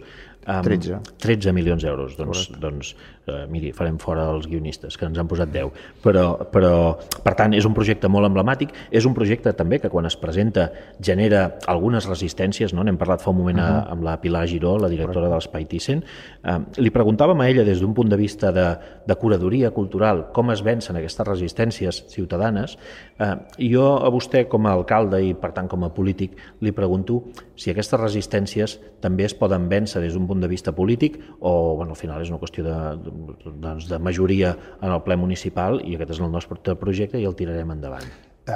No tant això, que també podria ser, però no és aquest el nostre, el nostre objectiu. De fet, el que nosaltres estem intentant fer, i avui també a través dels micròfons de Ràdio Capital ens està donant una oportunitat, és explicar el per què volem desenvolupar aquest projecte. Ho portem fent durant molts anys, però jo crec que això és una feina que hem de fer constantment, sobretot ara en aquest moment. Ara estem en un moment, eh, jo crec que jo diria que el més important que, que té el projecte Thyssen. O sigui, jo he dit que en aquest mandat el projecte Thyssen es farà o es deixarà de fer. Eh? I estem ara en un punt en què... En Quan que, deixarà de fer vol dir perquè el culminarà. Uh, o, per, o, o perquè no tenim el suport de les administracions que s'han d'implicar. O sigui, ara tenim el suport de totes les administracions i, de fet, ara arribarem a finals d'any on tindrem Eh, la resposta a través d'una resolució del govern espanyol de quina és la seva contribució en el projecte. Uh -huh. uh, si el projecte té el recolzament de l'Estat amb la dimensió que, que hem estat treballant i a la qual crec que, que, és, que serà, el projecte tindrà l'execució que, que bé pronosticat. No? Calculem que a finals del 26 hauria d'estar acabat. Uh -huh. uh, si no té aquesta aportació, el que farà és que el projecte s'haurà d'executar d'una manera més lenta, per fases, però amb el mateix convenciment de que, de que és un projecte important per la ciutat que genera aquesta transformació. Eh? O sigui, la implicació de les administracions i de les fonts de finançament doncs, eh, determinen la rapidesa en què s'executi un projecte. Aquest és un projecte de nivell de país que succeeix a Sant Feliu de Guíxols, on l'Ajuntament de Sant Feliu hi serà en la seva dimensió Uh, vol dir, nosaltres no, no podem, per la nostra dimensió exactament, cobrir uh, un pressupost de 13 milions d'euros en un projecte. Jo crec que això ho entén tothom. Uh -huh. Llavors, l'Ajuntament, i jo m'he compromès i fa temps que ho estic dient, uh, és capaç de portar en aquest projecte allò que aporta en una de les obres grans que executem en un mandat normal. Uh, I no més Després li preguntaré les xifres, eh? li, li, li repreguntaré. Sí, però... no, no, no hi ha problema, i les tinc, les tinc fresques al cap perquè en aquests moments està a exposició pública i tothom pot consultar el projecte perquè està eh, en aquest moment a exposició pública esperant que arribi l'aprovació definitiva i volem començar les obres aquest 24 perquè tenim finançament destinat en aquesta, en aquesta execució parcial del projecte. El que no tenim en aquest moment és el finançament total d'aquests 13 milions d'euros que et comentava i que espero poder tenir a finals d'aquest any la major part. Val. Li, li preguntava en origen això, no? per com es vencen aquestes resistències sí. internes a nivell de ciutat, eh, amb algunes entitats, amb eh, partits polítics, amb alguns partits polítics que suposen eh, no tant a l'equipament en si mateix, que també, mm. sinó que a aquest model que alguns consideren doncs, que és un model de, de, de bombo i plateret. Mm, aquest és un model de canvi eh, econòmic, eh, del canvi del model econòmic de la ciutat. Si algun altre partit polític en té un altre, el que ha de fer és plantejar-lo. Uh -huh. eh, nosaltres hem plantejat aquest model perquè volem que la cultura sigui el motor de canvi. Si algun altre partit polític té algun altre model afegint algun altre element que no sigui la cultura, el pot explicar. Però en aquest moment tenim l'oportunitat de, de tirar endavant aquest projecte perquè, a més a més, tenim el contracte signat durant 20 anys per part de la baronesa de que eh, hi haurà eh, una part de la seva col·lecció de pintura catalana a Sant Feliu de Guíxols, tenint en compte que la seva pintura catalana és tan àmplia que no donarà que en, aquest, en aquest edifici en el que estem, en tota la reforma que volem fer, no tindrà cabuda tota la seva col·lecció. Tindrà cabuda una part de la col·lecció que això ens permetrà anar-la alimentant constantment. Com es vencen les resistències? Eh, si n'hi ha, doncs eh, jo crec que moltes és eh, donant l'explicació del per què, tenint en compte que això no, no suposa, eh, com alguns partits polítics diuen, cap hipoteca per la ciutat, al contrari, significa una oportunitat, i el que estem fent és intentant explicar les màximes, eh, els màxims foros i les màximes oportunitats que, que, que jo puc tenir i tota la resta de l'equip té, eh, explicant el per què d'aquesta evolució.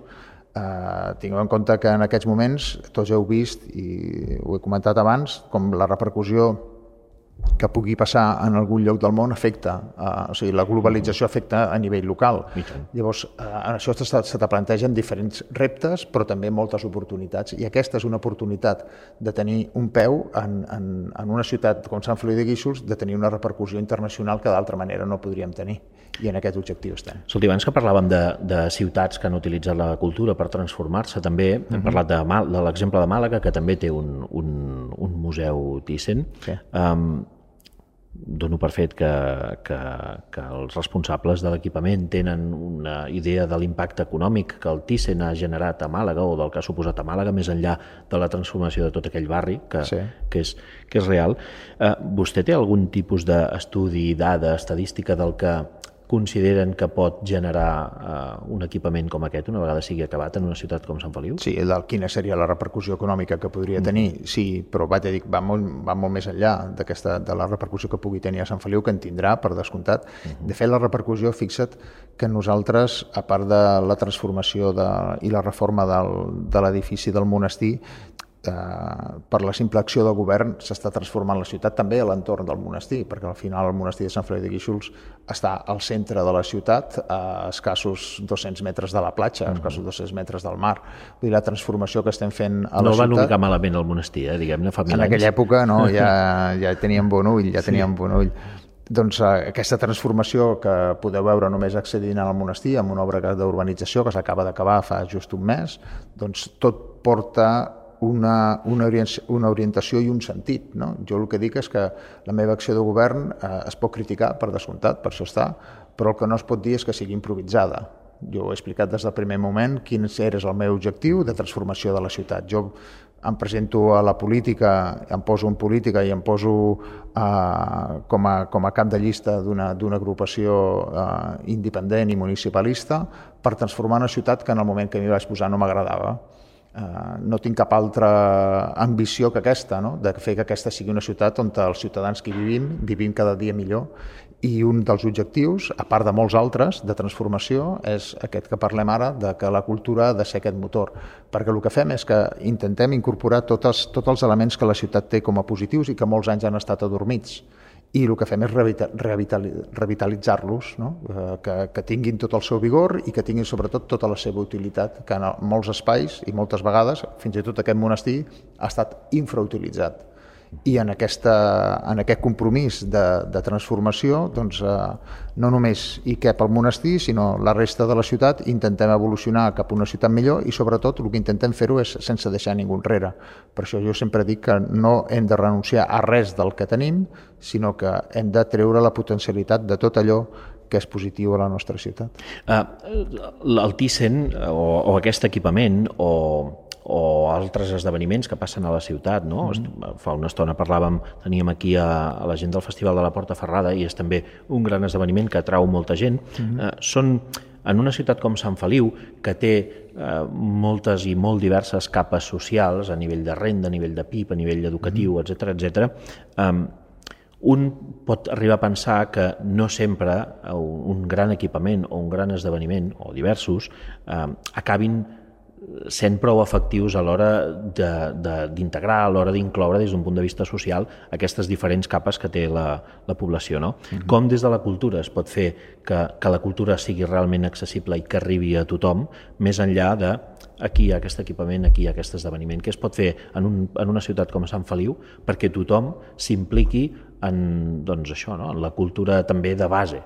Això ha d'estar, és un projecte que ha d'estar integrat. Ara em parlaves del Portaferrada. Has de tenir en compte que el Portaferrada ha tingut una evolució que no ens en donem compte, però que cal remarcar en els darrers vuit anys una evolució eh, exponencial. Eh, quan Tots per Sant Feliu entra en el govern eh, i formem govern juntament amb, amb el Partit Socialista i Esquerra Republicana, l'any 2015 el Festival de la Portaferrada venia 15.000 entrades En aquesta darrera edició, la 61a, el festival ha venut 50.000 Uh, això és fruit de la casualitat, algú s'ho pot pensar, però no és fruit d'una casualitat, això és fruit d'un treball i d'un convenciment de que el Festival de la Porta Ferrada tenia una potencialitat molt més gran del que s'estava utilitzant, per això va venir la construcció del Guixos d'Arena, que en aquell moment també va tenir molta crítica, eh? que estaven fent una instal·lació que no reportava cap benefici a la ciutat i que era, com deien alguns, un simple aparcament a les afores.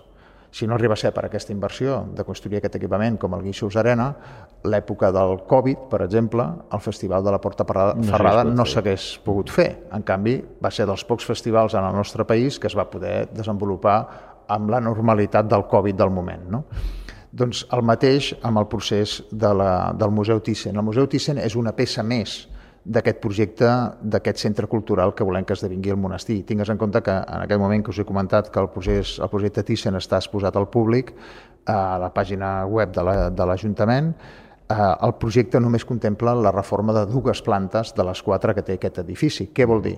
Doncs que en aquelles altres dues plantes han de passar moltes altres coses. O sigui, això és un centre, volem que sigui un centre cultural on el Museu Thyssen, per descomptat, és el que dinamitza tot, tot l'entorn però aquí han de passar moltes coses.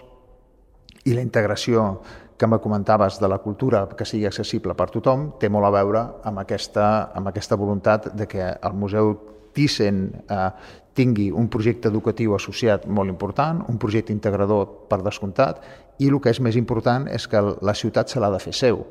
Eh, a vegades cal parlar amb els ciutadans per tenir eh, quina, quina és la, el, la seva sensació sobre diferents aspectes. Uh -huh. uh, si tu parlaves amb els ciutadans l'any 15 sobre què era el Portaferrada, doncs uh, segur que el, els inputs que podrien rebre no eren tan positius i no es veia quina aportació feien a la ciutat. No? Si al cap d'un temps que gestiones fas la mateixa pregunta vuit anys després, potser la sensació de que el festival està més integrat a la ciutat, de que és més accessible i de que reporta beneficis uh, múltiples a la ciutat, podria ser una de les respostes que podries tenir. El mateix amb el projecte Thyssen. Uh, jo tinc el convenciment personal perquè intento projectar a futur quin serà el retorn per la ciutat, entenc que això és difícil per a algú que no, no té la responsabilitat que jo pugui tenir d'intentar conduir aquesta ciutat cap a, cap, a ser, cap a que sigui una ciutat millor, doncs haig d'esforçar-me molt més per poder-ho explicar, per poder-ho explicar mm. i perquè la gent vegi quin és l'objectiu final. Me passen tots els projectes que fem a la ciutat. Si ara passegeges, si quan sortim d'aquest edifici ens acostem al mar, arribarem a, al passeig de Sant Feliu i a Rius i Calvet, que és una de les, de les infraestructures que hem desenvolupat, que també va tenir moltes crítiques en un principi, fins i tot manifestacions d'algun partit polític, i que en aquests moments s'ha convertit en el punt de trobada de, dels ciutadans de Sant Feliu i dels visitants que, que venen a la ciutat. Una transformació en el passeig que semblava que era intocable, com la plaça del monestir, que semblava que era intocable, i és perquè ningú s'ha plantejat de que aquesta ciutat no pot viure del seu passat. Uh -huh. Aquesta ha de ser una ciutat que ha de tirar cap a futur i en aquí és on també totes aquestes transformacions que jo intento fer. Alcalde,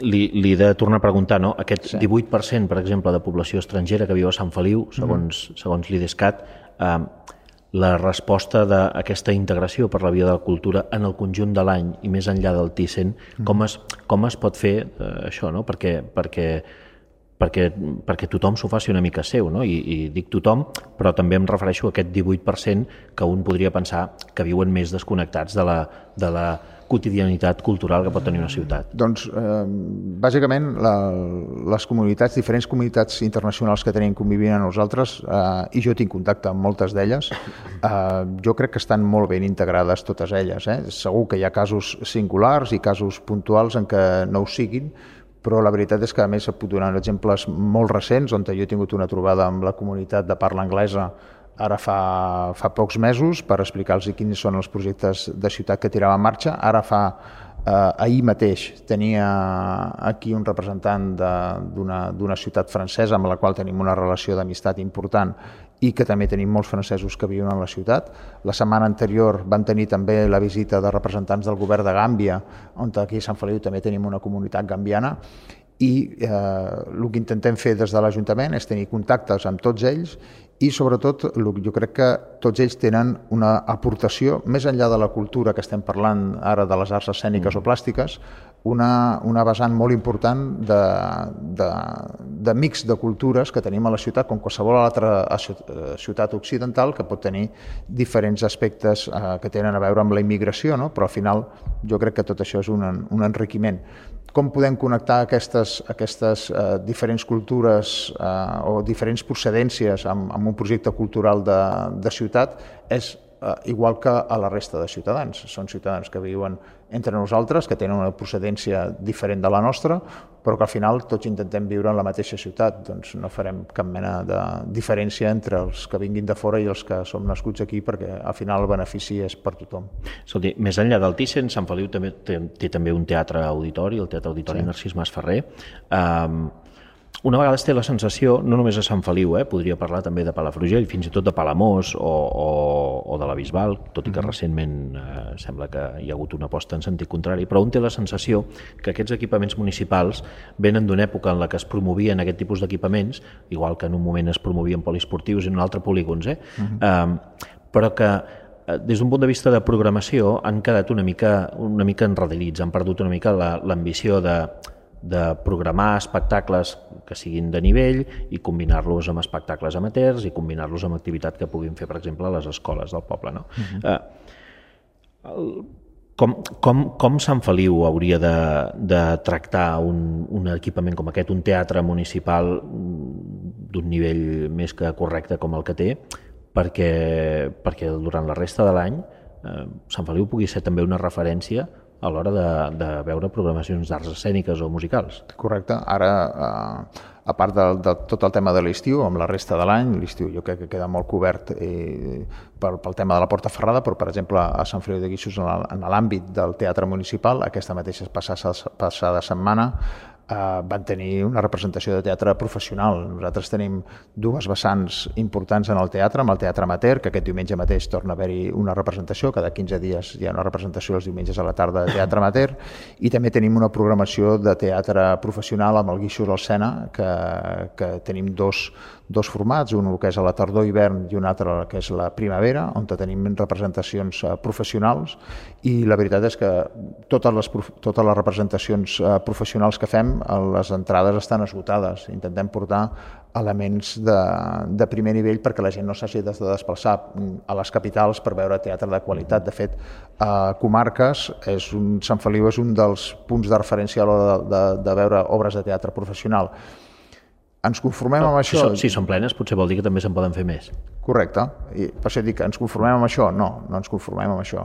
Uh, Poder-ne fer més obres també implica incrementar el pressupost. Uh mhm. -huh. Incrementar el pressupost passa també per no pensar que la cultura ha de ser deficitària. Uh, això vol dir que ha de ser accessible a tothom, però jo entenc que la cultura es paga si, si la cultura no es paga, els artistes no produeixen. Si els artistes no produeixen, no tindríem aquest eh, planter que tenim a la nostra ciutat de, de gent que és capaç de crear, ni en el nostre país, que jo crec que en l'àmbit de la cultura és una de les referències eh, mundial, també en l'àmbit de la creació. Eh? Ara fa poc eh, jo he arribat al final de la conversa que estàveu fent amb els eh, eh, que parlàveu de Porta Ferrada i he sentit algunes aportacions molt interessants en la qual eh, sí, pers persones del nostre país... L'espectacle no? aquest d'en Carles Marigó amb una intel·ligència artificial, no? que Correcte. el senyor Mallol. Sí, doncs eh, aquestes coses són referència, però això vol dir que la cultura no té per què ser deficitària.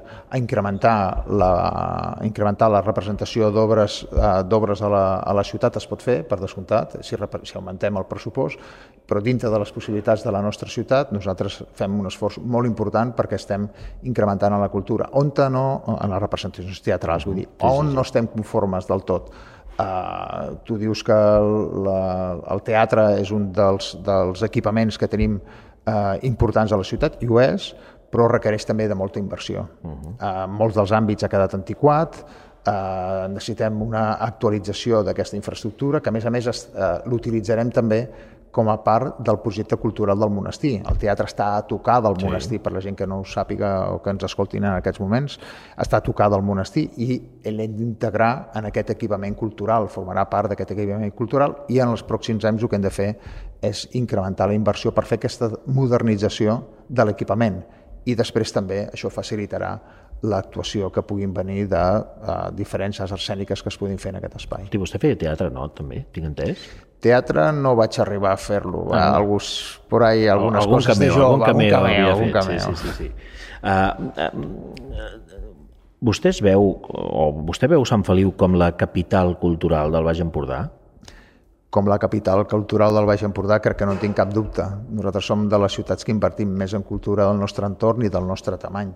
Eh, en el Baix Empordà, a diferència de l'Alt, per exemple, la configuració de les, de les ciutats eh, implica que a l'Alt Empordà tenim a Figueres i Roses com a dues capitals i la resta de municipis són molt petits. Això vol dir que la seva capacitat de, de, de, de pressupost per destinar a la cultura es veu molt limitat. En canvi, al Baix Empordà jo crec que tenim aquesta distribució de, de ciutats on tenim ciutats més mitjanes, no tenim una ciutat que destaqui com pot ser Figueres a l'Alt Empordà, uh -huh. i aquí tens doncs, Sant Feliu de Guíxols, Palamós, eh, Palafrugell, que són de les ciutats eh, més grans que tenim en el Baix Empordà i jo crec que la nostra ciutat, almenys aquesta és l'ambició que nosaltres tenim, volem ser la referència de cultura. No ens volem quedar en el Baix Empordà, com t'he comentat al principi, volem ser una ciutat de referència a nivell nacional. Eh? Sí, li, li pregunto perquè, eh, escolti, jo sóc de Pals i, i a vegades un té la sensació que ens coneixem menys entre els que som del centre de la comarca, ja no li dic al nord, eh?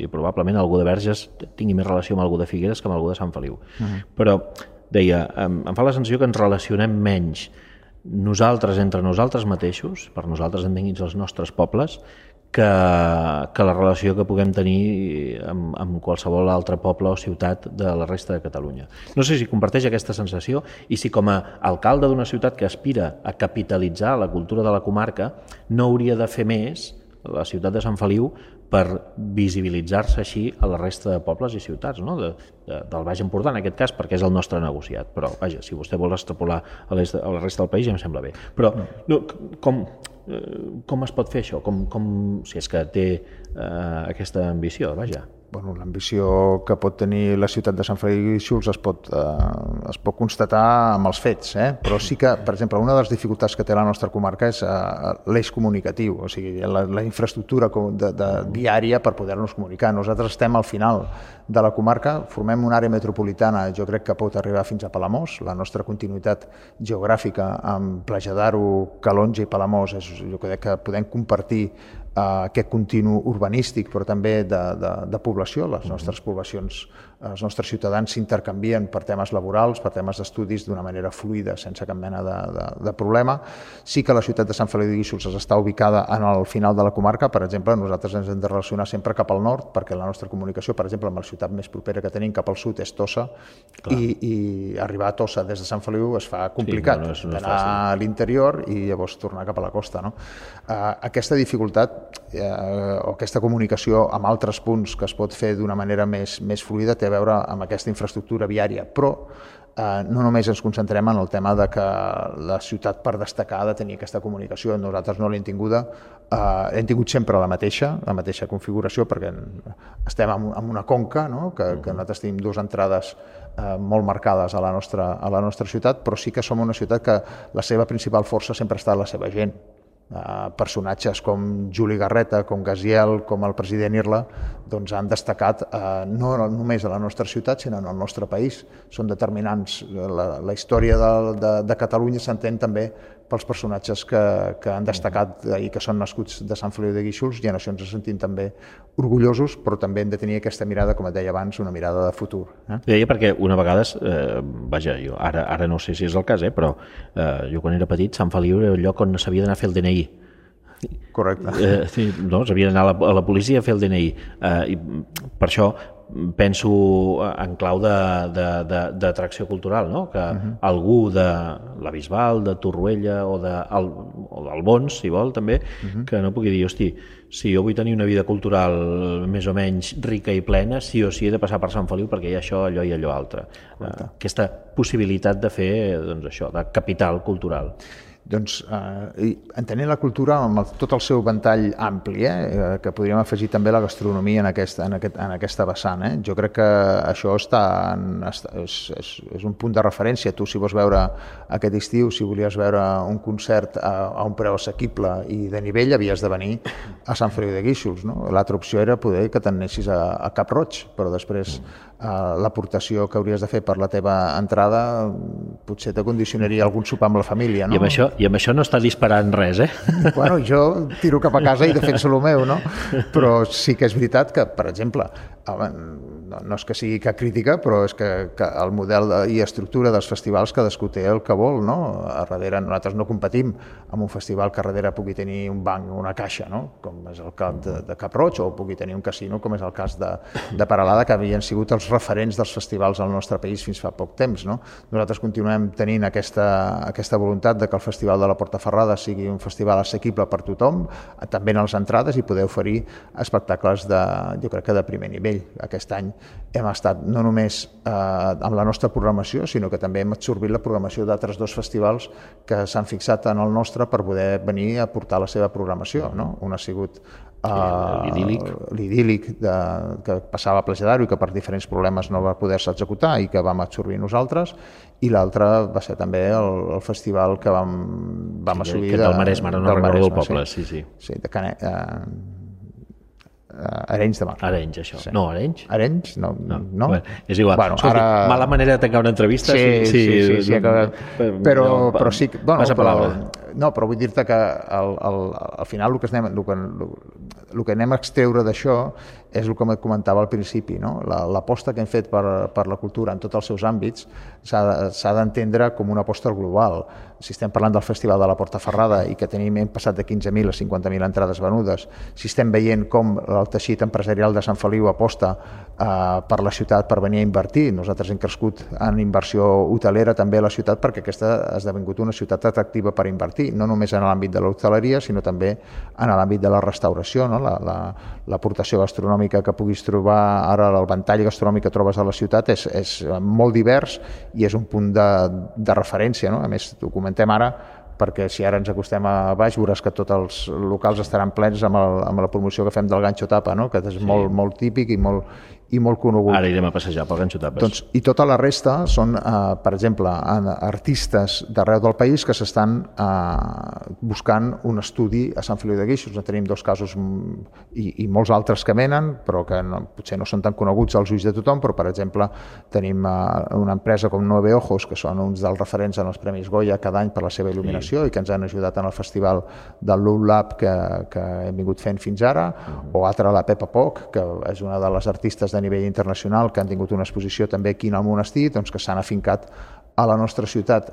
Una de les conseqüències que va tenir el Covid va ser també el descobriment de que no calia viure en una metròpoli per poder executar la teva activitat. I això ha comportat que molts d'aquests artistes triïn Sant Feliu de Guíxols, incrementin el seu nivell de, de, de vida i de confort i puguin trobar un espai on te puguin crear i generar idees en un entorn natural que jo crec que els ajuda a la seva activitat artística. I això és una de les conseqüències que volem fer d'aquesta evolució cultural. O sigui, no és només transformació d'un edifici, sinó que al seu entorn els artistes eh, s'estableixin i hi hagi aquesta, aquest esprit eh, de, de, de trobada artística i de comerç també, no? que al voltant d'aquest projecte creixi i surtin botigues especialitzades en això. Era l'Arts d'Estiu de Pineda de Mar. Pineda de Mar. Festival que es va suspendre i va venir cap aquí. Perfecte. Uh, Carles Motes, alcalde de Sant Feliu de Guíxols, gràcies per, per venir, gràcies per acollir-nos i gràcies. que vagi molt bé. Moltes gràcies. Bon dia. Bon dia.